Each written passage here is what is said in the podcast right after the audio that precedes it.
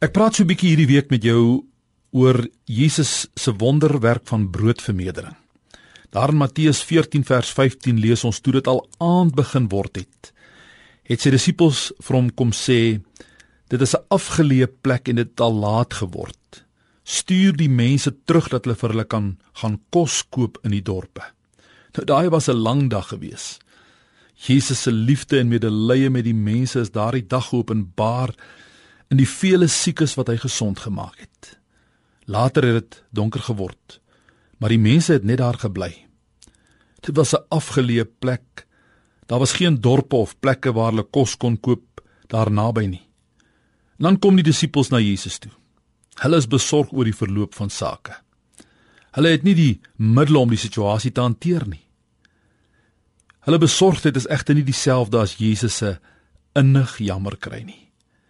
Iemand het eendag gesê die disippels was besorg, maar Jesus het deernis gehad. In Engels klink dit amper duideliker. They had concern, Jesus had compassion. Hulle was bekommerd, maar hy het omgegee en daar's nog 'n verskil. Die disippels se oplossing was om die mense weg te stuur om elders kos te gaan soek. Jesus se oplossing was dat hulle vir die mense moes kos gee. Hierdie gebeure laat my dink aan die rol van die kerk in die oplossing van mense se nood en probleme. Natuurlik hoef die kerk nie 'n oplossing vir elke probleem te voorsien nie. Die staat het immers ook 'n belangrike rol om in die basiese behoeftes van sy mense te voorsien. Dan is daar ook die verskillende instansies wat in ons tyd vir vele mense op verskillende terreine hulp kan aanbied. Daar is egter geen instansie wat die kerk se rol en plek kan oorneem nie nie as die kerk waarlik kerk van Christus is en as liggaam van Jesus funksioneer nie.